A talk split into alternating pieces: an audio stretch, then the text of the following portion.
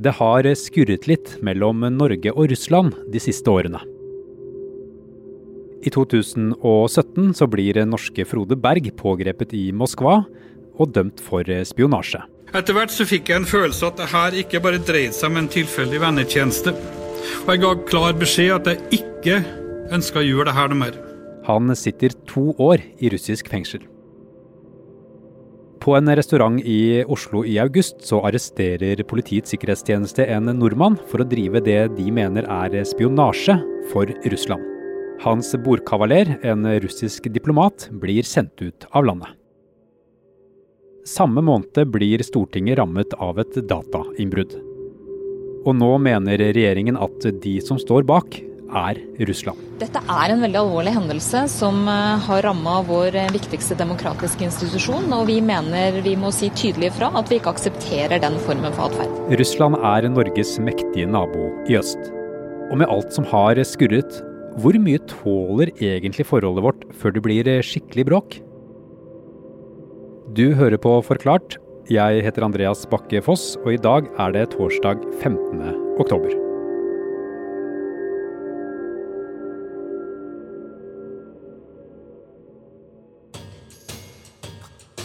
Det er mandag morgen 24. august. Sommerferien den er på hell, og flere av landets viktigste politikere finner veien tilbake til Stortinget midt i Oslo. Kanskje tar de en prat om sommerens begivenheter og været rundt kaffemaskinen, før de samler nok arbeidslyst til å starte PC-en. I innboksen så ligger det en uåpnet e-post. Ansatte og stortingsrepresentanter fikk en en skreddersydd e-post eh, hvor eh, de da ble lokket til å trykke på et vedlegg. Dermed så ble de hacket, eh, og de fikk installert ondsint programvare på PC-en som gjorde det mulig for tilgang til personopplysninger, passord, banknumre og e-postene. Når jobben din er å bestemme lover, vedta budsjetter og ta viktige avgjørelser for hva landet vårt skal gjøre og være, så er det et stort problem. Hvor mye som har sluppet ut, hvor mye som ble stjålet, det vet vi ikke. Men at informasjon kom på avveie, det er sikkert. Denne mandagen ble alt annet enn en vanlig dag på jobben for politikerne. Og det ble det heller ikke for kollega Per Anders Johansen. Vi begynner å bli litt uh, mette av uh, informasjon om dataangrep, for dette har jo skjedd i så stor uh, utstrekning og over så lang tid. Slik at Vi ser jo f.eks. på lesetallene at folk er litt lei av det. Men det som var jo spektakulært med dette her, var at det åpenbart var et veldig målrettet angrep mot Stortinget, vår viktigste demokratiske institusjon. Og det gikk inn i et mønster av tilsvarende angrep mot f.eks. den tyske bondestak, mot en rekke institusjoner i Frankrike, i Storbritannia, i Nederland og mot USA. Så jeg tenkte at eh, ja, nå har man prøvd seg på Norge også. Så kom tirsdag denne uken. Rett etter arbeidstid for de fleste av oss, rundt klokka fire, så begynte det å gå rykter her i redaksjonen i Aftenposten. Utenriksministeren og forsvarsministeren skulle straks fortelle noe til Stortinget.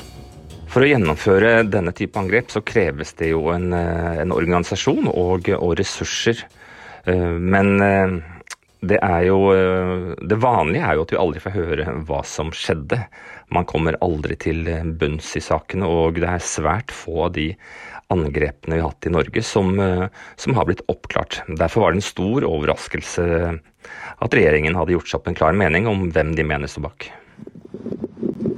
Bare si litt om eh, helheten. Dette er jo, som dere vet, en veldig alvorlig hendelse som har eh, ramma vår viktigste demokratiske institusjon. Etter at Stortinget ble informert tirsdag, så møtte utenriksminister Ine Eriksen Søreide fra Høyre pressen. Våre sikkerhets- og etterretningstjenester sitter sammen i Felles cyberkoordineringssenter og både sammenstiller informasjon og gjør analyser. Det er de analysene vi baserer vår beslutning på, og de analysene er tydelige. Men hva er det som gjør Norge så sikre på at akkurat russerne står bak?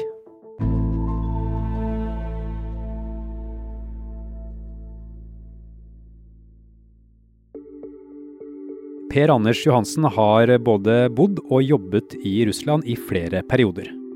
Det siste året har han skrevet mye om hvordan den russiske militære etterretningstjenesten GRU jobber i Norge.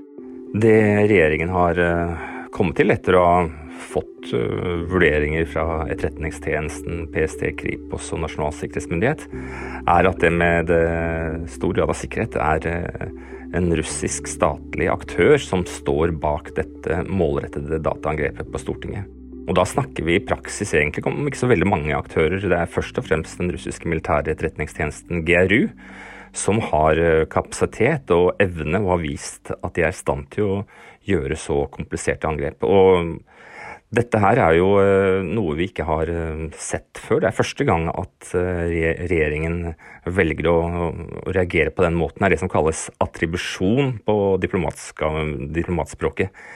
Altså De venter ikke på at politiet skal bli ferdig med etterforskningen, noe som kan gå i flere år. Men de mener at man har så sikre bevis at man kan peke på Russland. Men hvis de er så sikre, Per Anders, hva er det regjeringen har lagt frem av bevis som da peker mot uh, Russland? Regjeringen har ikke lagt frem et eneste bevis, og uh, om de noen gang gjør det, det vet vi ikke. Det er avhengig om uh, politietterforskningen klarer å peke på navngitte personer som man kan tiltale, slik f.eks. tyske politiet har klart. Og det gjør jo at vi eh, sånn sett eh, har et problem, fordi at dette er jo det som har vært kjennetegnet ved mange av de andre konfliktene og, og, skandalene som har preget forholdet mellom Russland og vestlige land i flere år, nemlig at bevisene ikke kommer på bordet. Men det vi kan være helt sikre på, er at eh, regjeringen mener det de har fått av informasjon er mer enn nok til å ta denne belastningen det er å peke på på Russland og si at det var Russland som sto bak angrepet på Stortinget. Hva er det som er så interessant uh, rundt Norge for uh, Russland? Noen av stortingspolitikerne som ble hacket uh, i dette dataangrepet, jobber jo i forsvars- og utenrikskomiteen. Og det er klart at de kan ha informasjon som, som, er av stor interesse for Russland, enten man diskuterer norsk forsvarspolitikk eller andre ting. Russerne har jo ellers vært usedvanlig interessert i norsk olje- og energipolitikk. Eh, her er jo Norge og Russland konkurrenter, og Norge har teknologi som eh, russerne svært eh, gjerne vil ha tak i.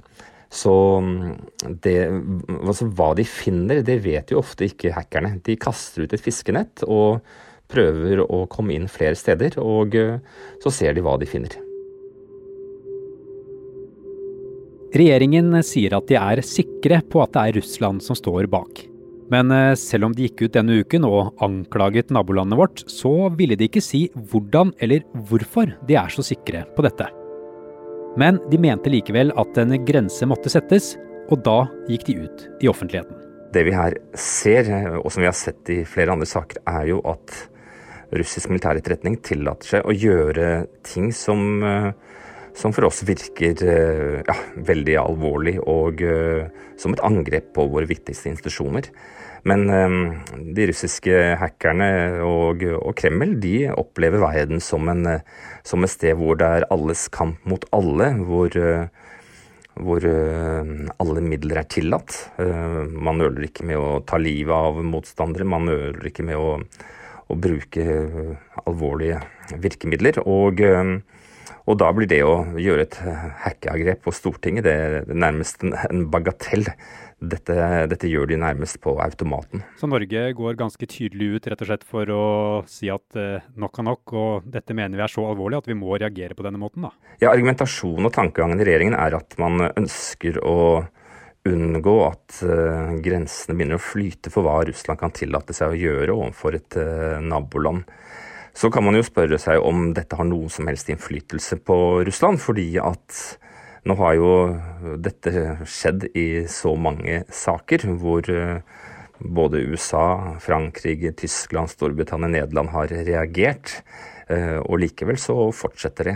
Så det, jo grunn å, det gir jo grunn til å tro at dette her ikke gjør stort inntrykk på, på, på Kreml eller GRU. For de har jo vist allerede at hackingen og det å drive dataspionasje gir effekt. Det tok ikke lang tid før reaksjonen fra Russland kom. Den russiske ambassaden i Oslo kaller anklagene fra regjeringen for grunnløse, destruktive og en trussel mot det norsk-russiske forholdet. Lederen for utenrikskomiteen i det russiske parlamentet kaller anklagene fullstendig tull. Denne saken har jo fått oppmerksomhet i Russland, og eh, Kreml og deres støttespillere reagerer jo på samme måte som, eh, som tidligere, med, eh, med å avvise det bastant og ved å latterliggjøre påstandene. Og Det som jo er kjernen i den russiske reaksjonen, er at de kan, de kan si hva de vil og avvise det, og vel vitende om at eh, bevisene har ikke vært lagt på bordet. Og Det sier seg selv at eh, dersom Norge hadde her presentert alle bevisene, så ville Gru øyeblikkelig vite nøyaktig hvordan datasikkerheten og hvordan si, forsvarsmurene rundt norsk infrastruktur er. Og så ville de kunne gjøre noe annet neste gang. Anklagene mot Russland kommer på et ganske ubeleilig tidspunkt. For i tillegg til Frode Berg-saken og sommerens spionsak, så har vi hatt flere lignende saker de siste årene. I 2018 så ble russeren Mikhail Boskarov siktet og varetektsfengslet for ulovlig etterretning i Norge. Han var deltaker på et IT-seminar i Stortinget da han ble pågrepet. Litt under en måned senere så ble han løslatt, og saken den ble henlagt. Og i mai i år så avslørte Aftenposten at diplomater ved den russiske ambassaden var tilknyttet den russiske etterretningen GRU.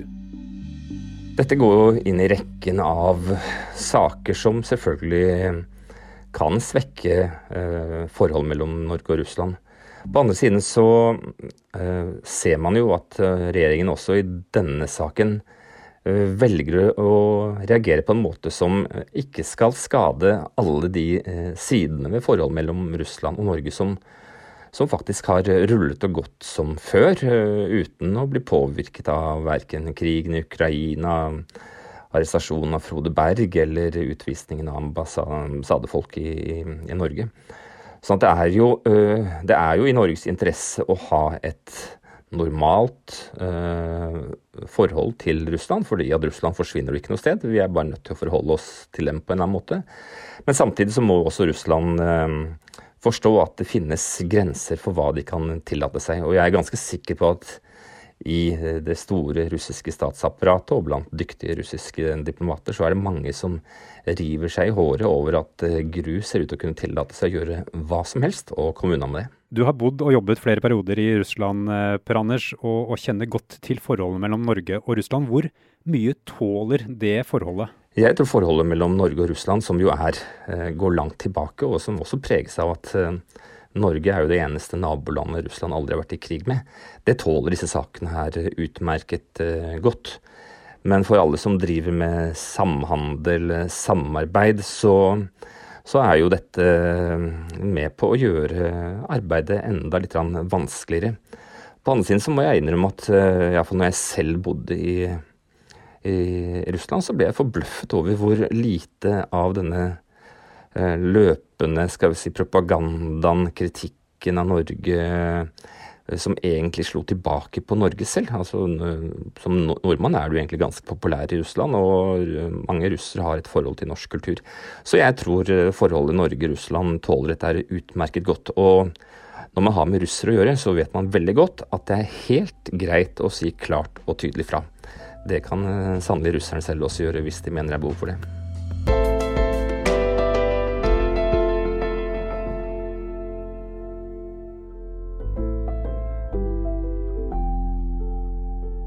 Denne episoden er laget av produsent Fride Næss Nonstad og meg, Andreas Bakke Foss. Resten av Forklart er Anne Lindholm, Marit Eriksdatter Gjelland og Karoline Fossland. I denne episoden har du hørt lyd fra NRK og VGTV.